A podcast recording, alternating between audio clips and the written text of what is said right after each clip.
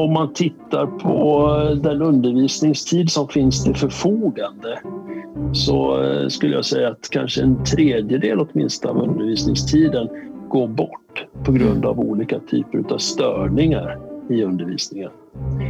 Mm. Eh, ibland pratar man ju om att införa ett tionde år på grundskolan. Jag brukar säga att utnyttja de nio år som vi redan har så, mm. så kan vi börja där.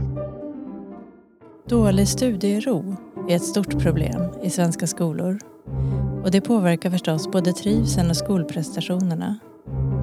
Men det finns metoder baserade på forskning som skapar större trygghet i klassrummet och bättre relationer mellan lärare och elever. Allra bäst funkar det om lärare och skolpersonal samarbetar. Du lyssnar på Forskarpodden vid Uppsala universitet. Det här avsnittet produceras av mig, Annika Hult. Jag heter Martin Karlberg. Jag är universitetslektor i didaktik på institutionen för pedagogik, didaktik och utbildningsstudier vid Uppsala universitet. Och du har ju skrivit en bok om ledarskap i klassrummet som heter Handbok i klassrumsledarskap tillsammans med läraren Jonas Nilsson. Behövs det en sån här bok i dagens skola? Ja, det skulle jag nog säga. Det finns många bra böcker. Jag har både kollegor och vänner som har skrivit böcker tidigare som på många sätt har förtjänster kanske som vår bok inte har så tillvida att de är väldigt så att säga teoretiskt uttömmande. Det är vår bok som, som kanske inte har funnits på samma sätt tidigare. Det är väldigt stark eh, fok, ett starkt fokus på eh, lärares eh, vikten av att lärare samverkar i att utveckla sitt ledarskap. Så det finns då förslag på forskningsbaserade insatser och forskningsbaserat ledarskap i klassrummet men det finns också en struktur i den här boken som uppmuntrar lärare att eh, ge och få återkoppling på ett strukturerat sätt. Mm. Och det här med ledarskap i, i skolan, det är väl ett sånt ämne som man, som man länge har diskuterat? Vad det behövs för ledarskap? Ja. så länge skolan har funnits tror jag. Mm. Eh, så länge skolan har funnits har man diskuterat om man ska ha en eh, mjuk hand eller en fast hand och sen så har man kanske ungefär lika länge klagat då på hur, hur ohyfsad ungdomen är. Mm. Och vad är det för ledarskap som behövs i skolan då?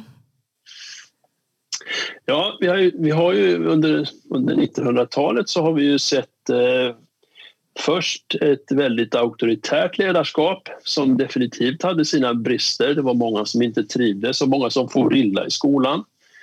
Eh, sen hade vi ett ledarskap där läraren i väldigt hög grad avstod från att utöva ledarskap. Eh, det fanns någon demokratisk grundtanke i det där som gick lite för långt, skulle jag nog säga. Eh, så det var en del elever som for illa av det också.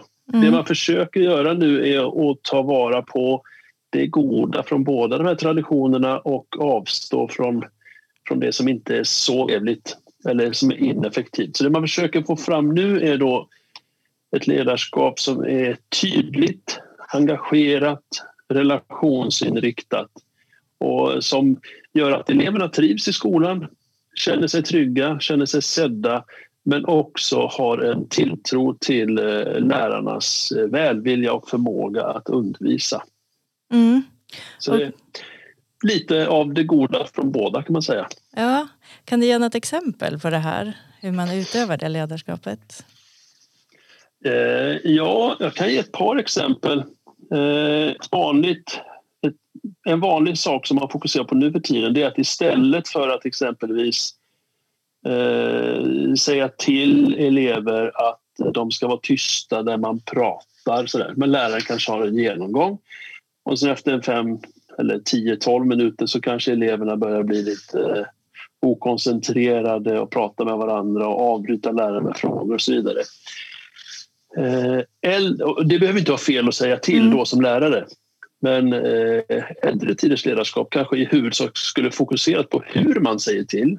Mm nya tidens ledarskap fokuserar i större, större utsträckning på att kartlägga eleverna och se hur länge orkar de lyssna. Och ser man då, ja de orkar lyssna i 12 minuter i den här klassen, ja men då presenterar man eller föreläser man i 10. Det vill säga, man skapar förutsättningar för eleverna att eh, lyckas eh, uppfylla förväntningarna. Eh, och det är då den ena delen, att man försöker vara proaktiv istället för reaktiv i så hög grad som möjligt.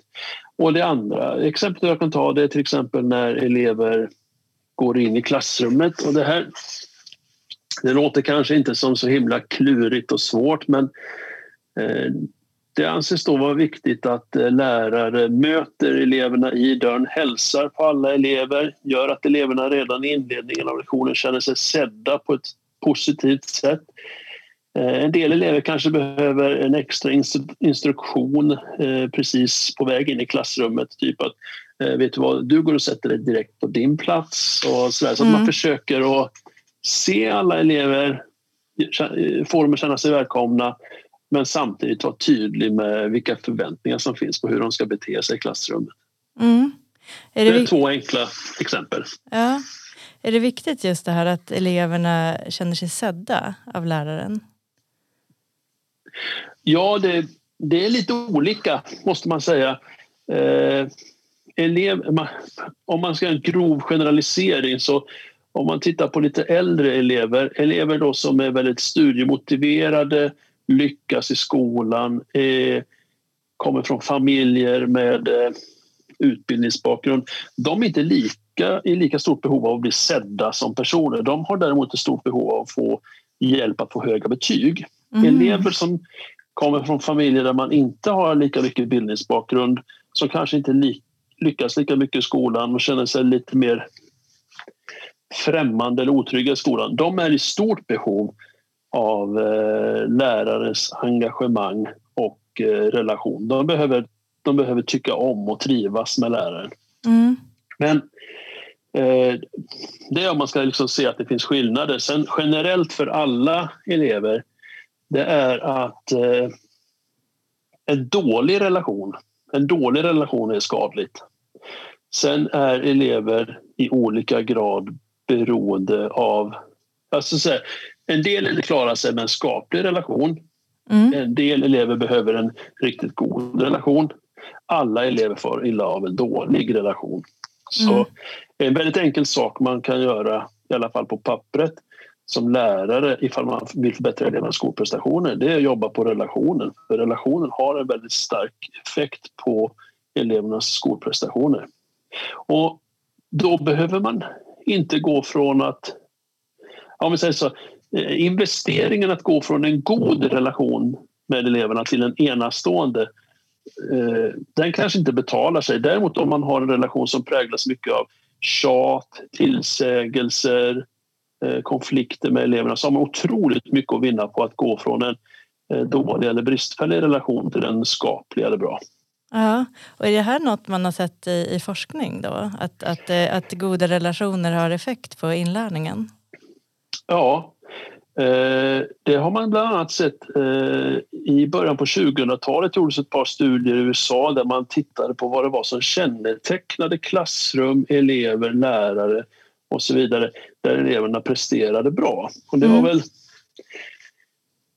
Eh, kanske inte så förvånande då för många lärare som redan kände till att det borde vara på det sättet. Men det var ju trevligt att man lyckades fastställa det i forskning att eh, klassrum som präglades av goda relationer mellan lärare och elever, där presterade eleverna bättre.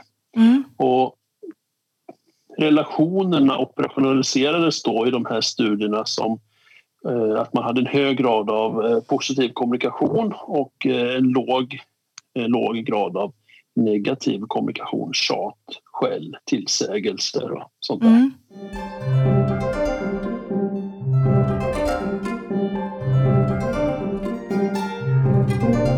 Du har ju varit med och tagit fram en, en svensk version av det så kallade IBIS-programmet som tidigare använts i USA och i Norge.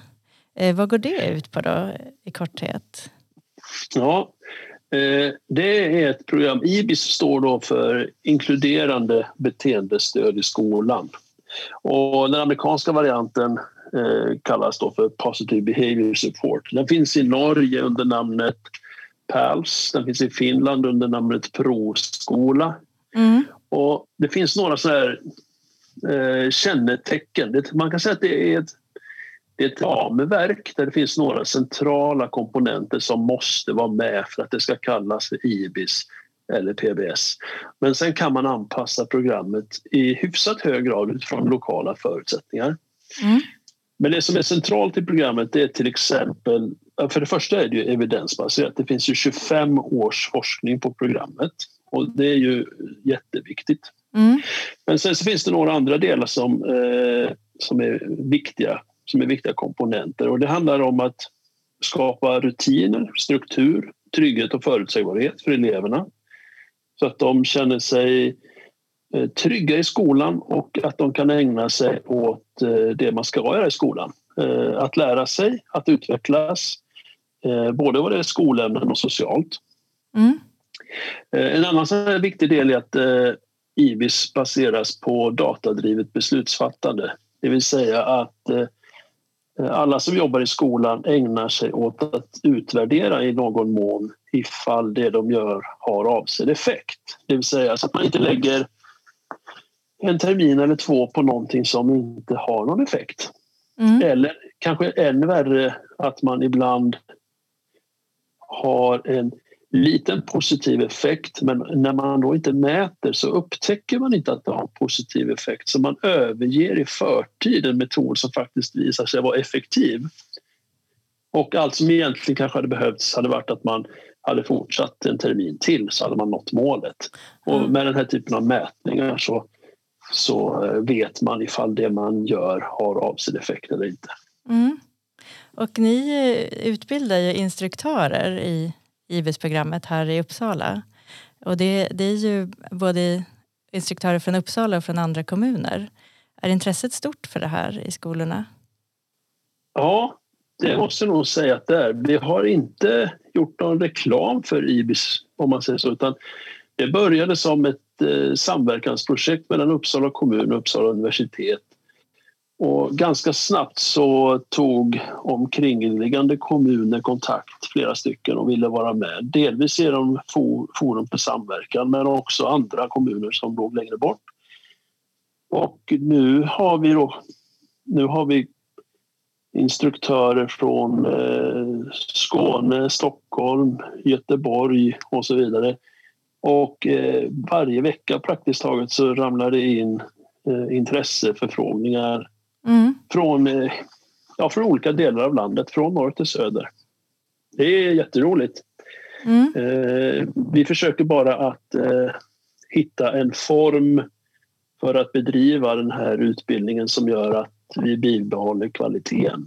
Så att det liksom inte blir någon slags eh, mattbildning där folk ah. bara får ett intyg på att de har gått kursen utan det ska ju fortfarande vara så att de är väl förtrogna med principerna och att de uppvisar de färdigheter som de ska uppvisa när de är färdiga instruktörer. Just det. Och ni, ni har som villkor att eh, 80 eh, procent av skolpersonalen ska vara positiva till metoden om, om man nu ska använda den. Eh, varför, ja. varför då? Jo, forskning på implementering visar att om eh, ifall eh, mer än var femte individ på en arbetsplats är negativ till implementeringen av program så kommer effektiviteten av programmet att minska. Eller svårigheterna kommer att öka att implementera programmet. Så Eh, vi har faktiskt en skola i Uppsala där rektorn var intresserad men där personalen inte var tillräckligt intresserad så då fick de helt enkelt vänta lite. Vi bad dem att återkomma ett annat år. De hade omröstning i personalen och ja, det var väl en 70 procent kanske som var positiva. Mm. Och återkom, åter, alltså det... hur blev det sen då? Återkom de? Eller? Nej, de har inte gjort det än. Nej. eh, oftast så är det väl som så, eh, skulle jag tro, i skolans värld att när man som lärare tackar nej till något sånt här så beror det på att man har något annat projekt som pågår. Att man kanske tänker att man får ta en sak i taget. Mm. Och det är ju en klok prioritering lärare gör då, tycker jag. Så att eh, mm. om man tvingas vänta så är man varmt välkommen en annan gång mm. när man upplever att man har mer tid. Ja, för det kräver väl lite tid att jobba med det här? Ja, dels så sätter man samman ett så kallat IBIS-team på skolan som träffas åtminstone varannan vecka i ett par timmar och eh, drar upp riktlinjerna och jobbar med programmet, organiserar sig och sen så planerar man då hur man ska implementera programmet på skolan i, i den här gruppen. Så det är den här gruppen som är ansvarig för att utbilda och handleda sina kollegor på skolan. Eh, och sen så är det dessutom så att all personal också tar, de tar ju del av utbildning och eh, samverkar på olika sätt. Nu ska det sägas att lejonparten av det arbete som både IBIS-teamet och personalen på skolan gör är ju sånt jobb som skolan redan gör från början. Mm. Men man får kanske ett teoretiskt ramverk, man får stödmaterial, man får reflektionsunderlag och så vidare som, som förhoppningsvis ökar effektiviteten i det arbete som man gör. Mm. Och eh, ni forskar väl också om de som använder IBIS-programmet? Ja, vi, eh, nu har vi en eh, forskningsetisk ansökan eller en ansökan om forskningsetisk prövning som vi eh, skickar in här i dagarna mm. på att göra en experimentell studie där vi helt enkelt jämför experimentgrupp med kontrollgrupp. Förhoppningen är att vi ska få pengar och att vi ska kunna jämföra då effekterna av IBIS med, med eh, antingen business as usual eller treatment as usual eller någon slags aktiv kontrollgrupp. Eh, men sen har vi också gjort en studie för att en väldigt viktig del eh, när det gäller att implementera program det är att ta reda på dels vad de som arbetat med programmet tycker om programmet och sen vilka hinder och möjligheter de ser för, som de ser för implementeringen. Och eh, det har vi gjort hittills. Och det studierna har visat då är att eh, eh, de här IBIS-teamen på skolorna tycker att det är jättebra och det underlättar då implementeringen att de har stöd av en instruktör som kommer till skolan varannan vecka och utbildar och handleder IBIS-teamet. De tycker också att det är positivt och underlättar implementeringen att de har stöd av en skriftlig manual som de kan gå tillbaka till och kolla i. Och det är också där som eh, det material finns som de använder när de jobbar med, med personalen på skolan. Mm. Så de här instruktörerna är, är viktiga manualen är viktig också. Mm. Eh, det som kan vara ett hinder Eh, är ju såklart eh, eh, tid. Att man upplever att det är absolut nödvändigt att skolledningen avsätter tid för det här. Mm. Och bland annat det har då lett till att vi kräver att skolledningen är representerad i den här IBIS-gruppen som leder arbetet på skolan så att, så att skolledningen är väl informerad om vad, vad som krävs i form av tid och resurser och att skolledningen också snabbt kan ta, eh, fatta beslut som är nödvändiga för arbetet. Mm. Och eh, eh, sen finns det forskning också från USA och från Norge vad, vad det här har gett för effekter i, i skolorna där man har hållit på längre. Ja, och det finns, eh, det finns hur mycket forskning som helst men om man ska huvuddragen är då att Eh, eleverna som får ta del av den här typen av program uppvisar färre beteendeproblem och upplever att det blir tryggt i skolan. Mm. Och det, det är ju jättebra. Eh, samma sak att eh, inkluderingen av utmanande elever ökar. Alltså elever som är utmanande för skolan att hantera. De kan i högre grad de, delta i vanlig undervisning. Så man kan säga att IBIS och liknande program då har en i bästa fall inkluderande funktion. Att elever som eh, vanligtvis inte erbjuds en miljö där de får sina behov tillgodosedda de får det i högre grad då när de får den här tydligheten, strukturen, rutinerna, tryggheten. Mm. Eh, sen kan vi säga att eh, IBIS och liknande program har då lett till förbättrad social kompetens bland elever och också förbättrad självtillit hos lärare. Det vill säga att lärare i ökad grad får en tilltro till sin egen förmåga att hantera den här typen av situationer med eh, att skapa bättre undervisningsklimat helt enkelt. Mm. Och sen finns det, eh, men jag skulle säga att forskningen är inte riktigt övertygande eh, där, men det finns då forskning som visar att eh, måluppfyllelsen eller skolprestationer också förbättras. Men jag skulle säga att där, där, är, där är de här programmen lovande men det återstår att bevisa slutgiltigt så att säga ifall mm. det verkligen är så här. Mm. Det finns, inga, det finns inga indikationer på att skolprestationerna försämras. Däremot så eh, de studier där man har studerat skolprestationer eh, Dels är de inte så många och dels är de inte alltid så välgjorda. Så där skulle, skulle jag nog vilja se fler studier.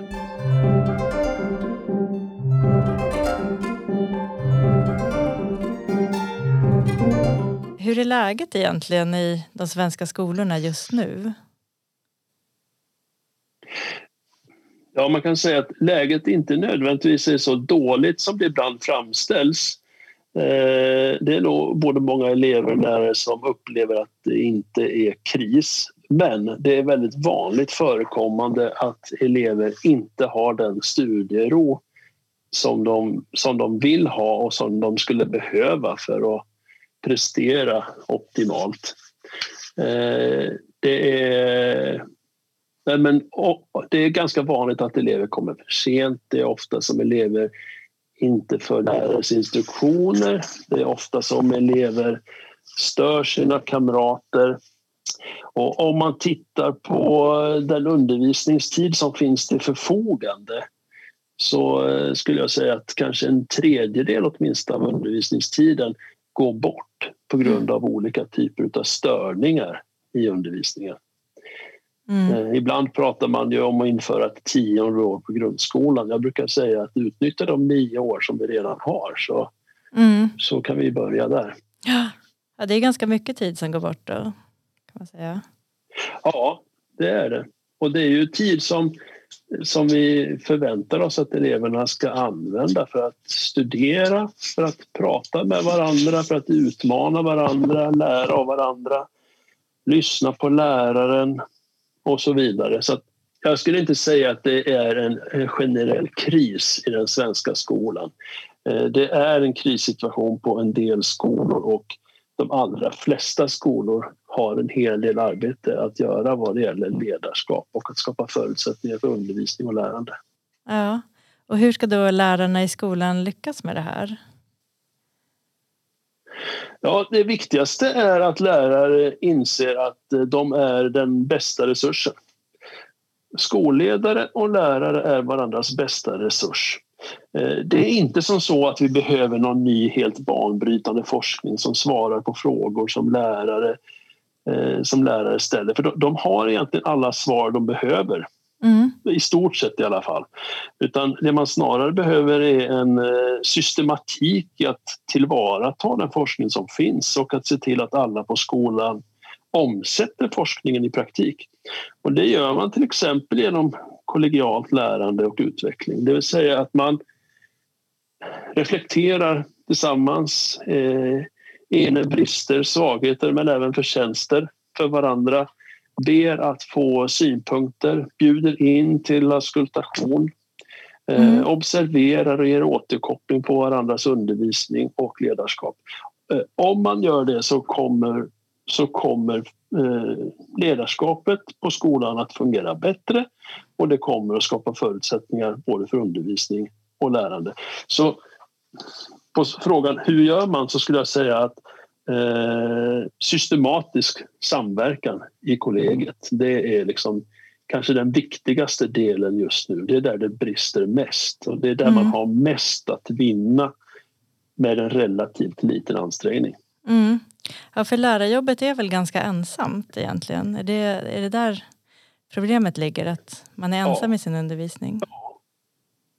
Ja. Och det, alltså, där skiljer sig Sverige faktiskt från övriga länder i Europa. Eh, I Sverige så är det 57 procent av de lärare som, som eh, var med i en undersökning för ett par år sedan hade inte haft besök av någon annan lärare eller skolledare i klassrummet. Aha. Och den siffran ska ju helst vara noll Ja, och in, definitivt inte över, inte över hälften. nej.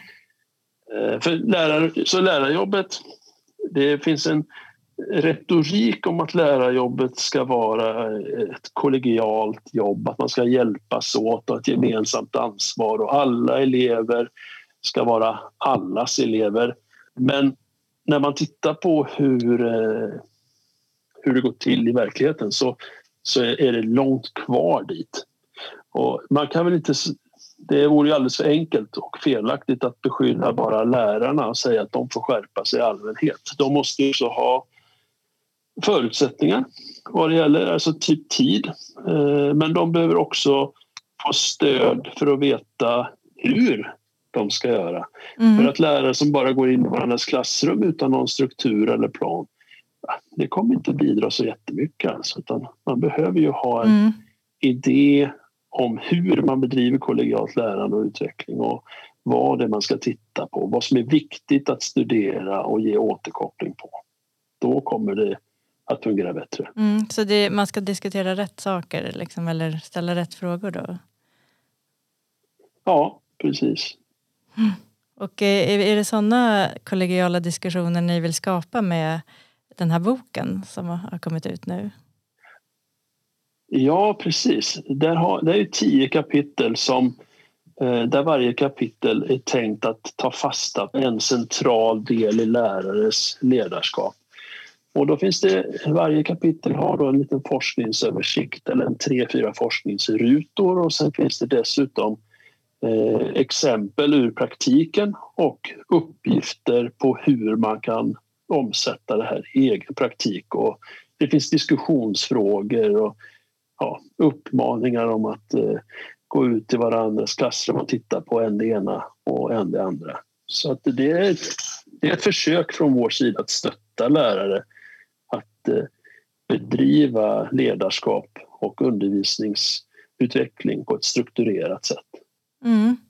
Och då finns det mycket att vinna då för, för alla på skolan egentligen, om man lyckas med det.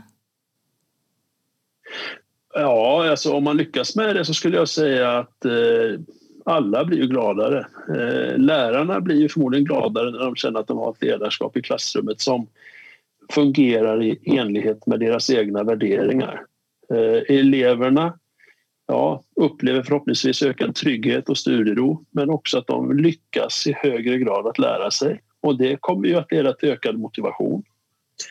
Eh, Sen föräldrar blir såklart glada förhoppningsvis då och skolledning Ja. där måluppfyllelse och trygghet ökar. Så att får man det här att funka så är det ju i enlighet med allas önskemål. Du har lyssnat på Forskarpodden med forskaren Martin Karlberg.